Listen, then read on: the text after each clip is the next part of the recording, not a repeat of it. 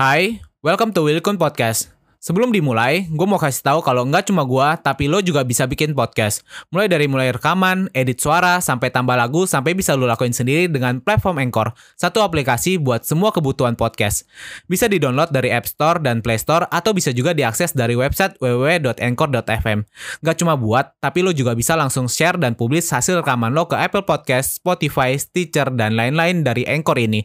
Yang paling penting, Anchor ini gratis. What's up guys, welcome back to my channel, Willy Kun Channel Dan selamat datang kembali di podcast cerita seram. Dan hari ini gue mau share lagi ke kalian, mau diskusi sih lebih tepatnya Tentang dunia paralel. Kalian percaya nggak sih di dunia ini sebenarnya ada dimensi lain? Kayak misalnya, kalian pernah bayangin nggak Ada bumi satu, bumi dua, dan seterusnya Tapi di dimensi yang berbeda. Karena menurut beberapa ahli Mereka juga mempercayai kalau hal ini tuh bisa aja dan mungkin aja terjadi di dunia kita. Nah pernah ada satu cerita di Tokyo yang mengatakan mengatakan ada pria mengaku berasal dari negara yang bernama Tauret. Tapi setelah diteliti, di peta tuh nggak ada negara nama Tauret itu. Nah setelah pria itu ditahan, tiba-tiba dia menghilang begitu aja kayak puff menguap di udara. Nah, kalian pasti penasaran kan dengan cerita ini? So, langsung aja kita bahas tentang dunia paralel nih. Kalau ngomongin tentang dimensi lain, emang nih kedengaran kayak hal yang cukup gila menurut gue. Tapi percaya nggak percaya, hal ini banyak didukung oleh ahli fisika kuantum yang mengatakan mungkin aja di dunia ini memang ada beberapa dimensi. Dan hal-hal seperti ini juga didukung oleh NASA. Karena beberapa saat yang lalu, rupanya NASA melakukan satu percobaan di Antartika. Jadi dalam eksperimen ini, NASA melepaskan benda uji yang mirip dengan balon udara ke udara. Kemudian benda ini bisa menangkap signal energi dari luar bumi. Tapi yang uniknya, yang ditangkap oleh balon udara ini bukan signal dari luar bumi, melainkan dari dalam bumi. Nah, berarti ada energi di dalam bumi, tapi bukan dari bumi kita sekarang, tapi dari dimensi lain. Nah, hal inilah yang bisa mengindikasikan kalau sebenarnya memang ada dimensi lain, tapi nggak diketahui gimana caranya membuka jalan ke dimensi lain itu. Kalau ngomongin tentang kemungkinan keberadaan dimensi lain, kita sendiri ini ya hidup di galaksi Bima Sakti, yaitu satu galaksi. Tapi kalian tahu nggak, di dunia ini, di satu alam semesta, sebenarnya itu ada 1011 galaksi. Jadi kemungkinannya itu besar banget kalau di luar dari bumi ini atau di luar galaksi Bima Sakti ini masih ada kehidupan selain di bumi. Dan menurut peneliti juga, kehidupan-kehidupan di dimensi lain ini nggak saling menyadari. Kenapa mereka bisa saling nggak menyadari? Karena ada keterbatasan teknologi. Jadi peneliti ini mengumpamakan kita ini seperti ikan yang hidup di dalam satu danau. Nah, kita kan kalau hidup di dalam satu danau nggak bisa ngelihat luarnya dong. Jadi kayak kita hidup di dimensi ini nggak bisa ngelihat dimensi lain. Tapi ada satu kejadian di mana suatu saat ikan itu kan bisa meloncat ke luar danau. Nah, hal inilah yang diperkirakan pernah terjadi di Tokyo tahun 1954, tepatnya di Bandara Haneda. Seperti biasa kalau di bandara kan pasti ada pemeriksaan paspor terlebih dahulu kan sebelum terbang. Jadi digambarkan pada hari itu ada seorang pria yang penampilannya ini kayak bisnismen biasa. Dia pakai dasi, pakai jas, kemudian pakai kemeja yang mukanya ini raut mukanya seperti orang Eropa dan fasih berbahasa Prancis. Nah, akhirnya orang itu menyerahkan paspornya ke petugas pemeriksa paspor awal dari pemeriksaan paspor ini petugas itu ngerasa kayak ya bener-bener normal banget. Tapi ketika dia melihat paspor yang diserahkan pria ini uh, petugas langsung melihat loh ini kayak paspornya dia nggak pernah lihat nih. Soalnya paspornya itu warnanya ungu kebiru-biruan. Kemudian di logonya ini juga kayak ada bunga yang kayak mirip kepala macan. Nah tapi karena dia juga merasa sedikit ragu akhirnya dia tetap ngecek paspor itu. Ketika petugas itu kembali ngecek paspornya dia ngeliat loh ini bener-bener di paspornya ini datanya itu lengkap dia lihat fotonya sama persis sama yang ngasih paspor ini. Terus dia lihat di dalam paspor ini juga ada beberapa stempel dari beberapa negara. Jadi bisa dibilang paspor ini bener-bener kelihatan asli banget. Karena takut salah akhirnya petugas ini memberikan beberapa pertanyaan ke pria pemilik paspor ini. Karena untuk informasi aja buat kalian Haneda itu baru dibuka tahun 1952 di mana baru berjalan 2 tahun. Jadi petugasnya ini juga bisa dibilang masih baru. Jadi dia masih takut-takut salah Akhirnya petugas ini memberikan pertanyaan pertama. Dia bilang, e, permisi pak, kalau boleh tahu anda ini dari negara mana ya? Dan pria ini memberikan satu jawaban yang tanpa ragu sama sekali. Dia bilang, e, saya dari negara Tauret. Dan ketika dijawab negara Tauret ini, petugas ini bingung. Loh, jangan-jangan gue nggak pernah dengar negara ini atau emang kesalahan di mana nih? Akhirnya dia ngecek, loh emang di peta tuh nggak ada negara Tauret ini. Dan hal ini rupanya juga bukan karena salah spelling atau salah penggunaan bahasa. Rupanya pria yang bilang dia dari negara Tauret ini bisa menjelaskan menggunakan bahasa Jepang yang fasis. Jadi selain dia bisa berbahasa Prancis, rupanya dia juga bisa berbahasa Jepang. Dan pria ini juga menjelaskan kepada petugas kalau ini bukan perjalanan pertama ke Jepang. Jadi di tahun ini dia udah dua kali keluar masuk Jepang nih di bandaranya. Dan dia nggak ada masalah sama sekali. Ketika itu petugas langsung memeriksa uh, buku paspornya ini dan dia melihat, loh emang bener nih ada beberapa stempel dari beberapa negara dan termasuk Jepang itu sendiri. Tapi uniknya di stempel ini dia ngeliat loh, kok ada stempel yang udah dari lima tahun yang lalu karena kalian ingat gak kejadian ini terjadi tahun 1954 dan bandara ini baru beroperasi 2 tahun yaitu 1952. Gimana caranya pria ini bisa dapetin stempel dari 5 tahun yang lalu? Aneh kan? Akhirnya petugas itu pun memberanikan diri dan bilang, e, permisi pak, kayaknya memang negara Tauret itu nggak ada pak. Bapak kayak salah nih Nah, ketika petugas itu bilang kayak gitu, pria ini langsung marah-marah dan dia bilang negara Tauret itu udah berabad-abad berdiri dan dia ini bisa dibilang negara yang paling maju.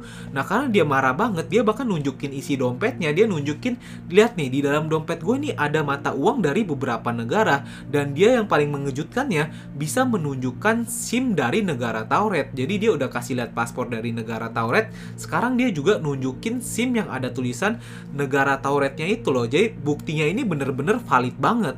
Setelah bukti-bukti yang diberikan oleh pria itu, akhirnya petugas ini pun sedikit ragu. Dia bilang, e, jangan-jangan gue yang salah nih. Kok gue nggak inget ya ada negara Tauret itu? Dan akhirnya dia memutuskan untuk memanggil atasannya. Dan ketika atasannya ini datang, coba tebak apa yang terjadi.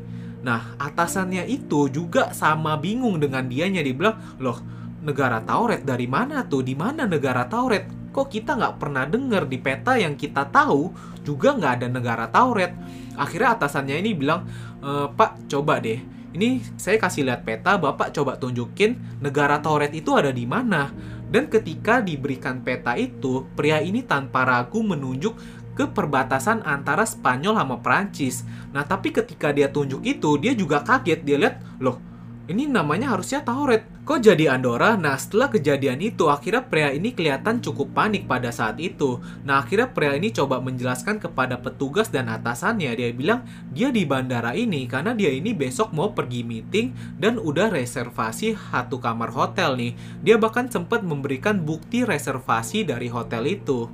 Ketika petugas ngecek rekan kerjanya dan tempat hotel dia akan nginep, rupanya nama ini tuh valid, nama hotel ini tuh ada tapi ketika ditelepon, hotel ini bilang, loh, nggak ada tuh reservasi atas nama dia.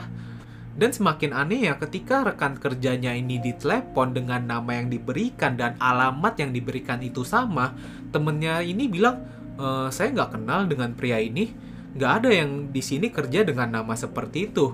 Lah bener-bener dong, pria itu langsung kaget, apa yang terjadi? Gue ini kasih data yang valid, kok mereka semua nggak kenalin gua gue ini dari negara Tauret kok nggak ada yang tahu jadi pria itu di situ bener-bener pucet dan panik banget keadaannya setelah diinterogasi selama 8 jam, akhirnya pria ini diamankan di airport dan dia ini sendiri bilang dia juga ikut bingung dengan kejadian ini karena dia nggak berbohong sama sekali dan nggak ada yang disembunyiin. Tapi karena untuk penyelidikan lebih lanjut, akhirnya ini dia diamankan di hotel airport itu terus data atau dokumen-dokumen yang dia bawa diamankan untuk diselidiki di besok hari. What's up guys? Sebelum kita lanjut, kenalan dulu yuk sama temen gue, namanya Anchor. Anchor ini adalah all-in-one podcast editing platform yang membuat gue lebih mudah untuk rekaman, edit suara, tambah lagu, dan segala hal dalam pembuatan podcast yang sedang lo dengerin kali ini. Anchor juga bisa jadi temen lo juga loh. Cara tinggal download dari App Store atau Play Store, atau juga bisa diakses di www.anchor.fm. Jadi download Anchor sekarang ya. Malam itu, kamar pria ini dijaga oleh dua petugas imigrasi supaya nggak bisa kabur nih besoknya. Tapi hal yang unik dari kejadian ini tiba-tiba tiba-tiba pria itu menghilang besoknya. Nah, mungkin ada yang pikir, oh mungkin dia loncat dari jendela atau kabur gimana lah caranya. Tapi hal yang semakin unik dari kejadian ini, dokumen-dokumen yang disita dari dia tiba-tiba menghilang begitu saja kayak menguap gitu kayak puff, nggak ada dokumennya ngilang gitu aja. Dan menurut dua petugas yang jaga pria ini tadi malam, mereka ini benar-benar nggak tidur sama sekali. Mereka jaga pria ini 24 jam. Bahkan mereka ini sempat mendengar suara pria ini di dalam kamar. Tapi anehnya ya begitu, besok paginya pria ini udah menghilang begitu saja. Dan setelah diselidiki di dalam kamar ini pun, pria itu kayak nggak ada coba untuk kabur gitu. Jendelanya masih sama dan nggak ada percobaan buat kabur dari kamar itu pokoknya. Dan setelah dicari oleh petugas imigrasi dan polisi Jepang, keberadaan pria ini benar-benar nggak bisa dicari dan nggak bisa dideteksi pria ini ada di mana. Dan yang paling parahnya lagi, benar-benar nggak ada yang bisa jelasin kejadian gimana dokumen yang dia punya ini bisa menghilang begitu aja kok dokumen ini bisa menguap di udara. Aneh kan? Jadi apakah pria ini ngeprank di bandara Jepang? Tapi kalau kita pikir-pikir, ngapain pria ini ngeprank di tahun 1950, apalagi di airport lagi? Kalau lu ngeprank di airport di zaman seperti itu, gue jamin lu bakal kena hukuman pidana. Jadi buat apa? Kalau di zaman sekarang mungkin aja lu ngeprank di bandara mungkin buat konten. Tapi kalau di zaman 1950, ngapain lu ngeprank di situ? Aneh kan kejadian ini? Dan rupanya kejadian seperti ini bukan pertama kali di dunia dan menurut gua ada tiga kejadian yang bisa menjelaskan atau paling sedikitnya membuktikan adanya dimensi lain nih. Nah kejadian pertama itu pernah dicatat di pertengahan abad ke-12 di mana terjadi di desa yang namanya itu Walpit di Inggris. Nah di desa ini dikabarkan ditemukan dua pasangan anak kecil yaitu pria dan wanita. Kedua anak ini ditemukan di sarang serigala dan menurut orang yang menemukan anak-anak ini mereka melihat kayak secara penampilan tuh bener-bener kayak manusia biasa. Tapi kalau dilihat secara fisik, anak ini tuh kulitnya berwarna hijau. Loh, kok bisa berwarna hijau kayak gitu ya? Nah, akhirnya anak-anak ini dibawa pulang ke desa nih. Nah, uniknya ketika anak-anak ini dibawa pulang ke desa, mereka ini diberi makan, tapi mereka ini sama sekali nggak bisa makan apa-apa. Tapi ketika mereka melihat kacang buncis yang masih mentah, mereka itu langsung pergi dan ngambil kacang buncis itu dan makan dengan lahap. Nah, setelah mereka makan kacang buncis ini, hal yang unik lagi terjadi nih, di mana kulit mereka tiba-tiba kembali kayak kulit manusia gitu, berubah normal, nggak jadi hijau lagi. Tapi sayangnya setelah kulit mereka berubah, anak laki-laki ini meninggal begitu saja dan akhirnya anak perempuan ini yang masih hidup mulai belajar bahasa Inggris.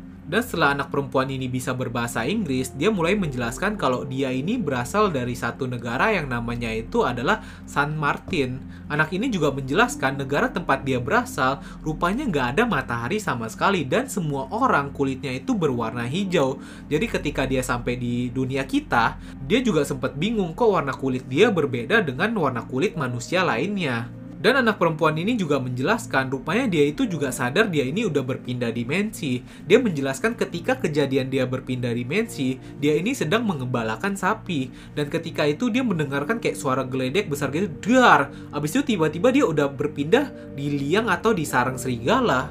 Kejadian kedua yang bisa membuktikan adanya dimensi lain itu nyaris persis seperti cerita pria dari Tauret nih. Kejadian ini terjadi tahun 1851 di mana ada orang yang tersesat di Jerman. Nama pria yang tersesat itu adalah Jopir Porin dan rupanya pria ini tuh nggak fasis berbahasa Jerman tapi emang bisa sedikit-sedikit. Dia ini lebih fasis dengan satu bahasa yang sama sekali nggak bisa dikenali oleh penduduk Jerman. Dan pria ini menjelaskan kalau dia itu berasal dari satu negara yang namanya adalah Laksaria dan dia ini berbahasa Laksaria. Tapi seperti yang kita ketahui, negara Laksaria itu nggak ada di peta kita nih. Di peta kita ya nggak ada. Dan pria ini juga menjelaskan bagaimana dia bisa tersesat di Jerman. Pria ini menjelaskan kalau dia ini sedang mencari saudaranya yang hilang. Nah, ketika dia berlayar di kapal, tiba-tiba ada badai dan akhirnya kapalnya ini tenggelam dan dia ini hanyut ke pantai Jerman. Nah, sekarang gue mau nanya ke kalian nih, coba tebak apa yang terjadi dengan pria ini. Nah, bener, pria ini tuh tiba-tiba lenyap begitu saja. Dia kayak menguap lagi kayak kejadian pria di Tauret itu menghilang kayak puff di udara hilang gitu aja loh, bener-bener gak bisa dijelasin. Dan cerita terakhir yang bisa membuktikan adanya dimensi lain itu sebenarnya pernah nyaris dialami oleh semua orang. Nah, kejadian ini diberi nama Mandela Effect. Mungkin beberapa dari kalian kenal kalau Nelson Mandela adalah tokoh politik dari Afrika Selatan, bahkan pernah menjadi presiden di situ. Nah, kalian tahu gak kapan dia meninggal? Menurut nyaris semua masyarakat Afrika Selatan, Nelson Mandela itu meninggal tahun 1980-an di penjara tepatnya. Tapi kenyataannya Nelson Mandela ini bebas dari penjara tahun 1990 dan akhirnya baru meninggal tahun 2013 dari kejadian ini akhirnya dikenal Mandela Effect di mana nggak sedikit yang mengingat kejadian di mana Mandela itu meninggal di dalam penjara. Menurut para ahli, ada tiga hal yang bisa menjelaskan Mandela Effect ini sendiri di mana hal pertama yang paling rasional itu adanya penyebaran hoax tentang kematian Nelson Mandela di dalam penjara. Jadinya banyak yang percaya kalau Nelson Mandela itu udah meninggal di dalam penjara dan kejadian kedua yang bisa menjelaskan kejadian ini adalah ada adanya keberadaan dari penjelajah waktu. Jadi penjelajah waktu itu mengubah sejarah di mana Mandela itu harusnya udah meninggal di dalam penjara tapi dia mengubahnya jadi Mandela ini bisa selamat dan bisa bebas dari penjara. Dan hal ketiga yang bisa menjelaskan dari Mandela Effect ini sendiri adalah keberadaan dimensi lain. Jadi seperti yang kita ketahui, kalau di dimensi lain itu ada kehidupan yang sama seperti kita, tapi pilihannya itu berbeda. Jadi kematian Mandela ini sebenarnya memang terjadi, tapi di dimensi lain. Tapi di, kalau di dimensi kita ini, Mandela itu masih hidup sampai tahun 2013. Nah, jadi menurut kalian dimensi lain itu ada gak? Coba bayangin, gue yang sekarang di depan layar ini sedang jadi youtuber, tapi di dimensi lain mungkin aja gue jadi petani atau mungkin gue jadi polisi kan? Pernah bayangin seperti itu gak?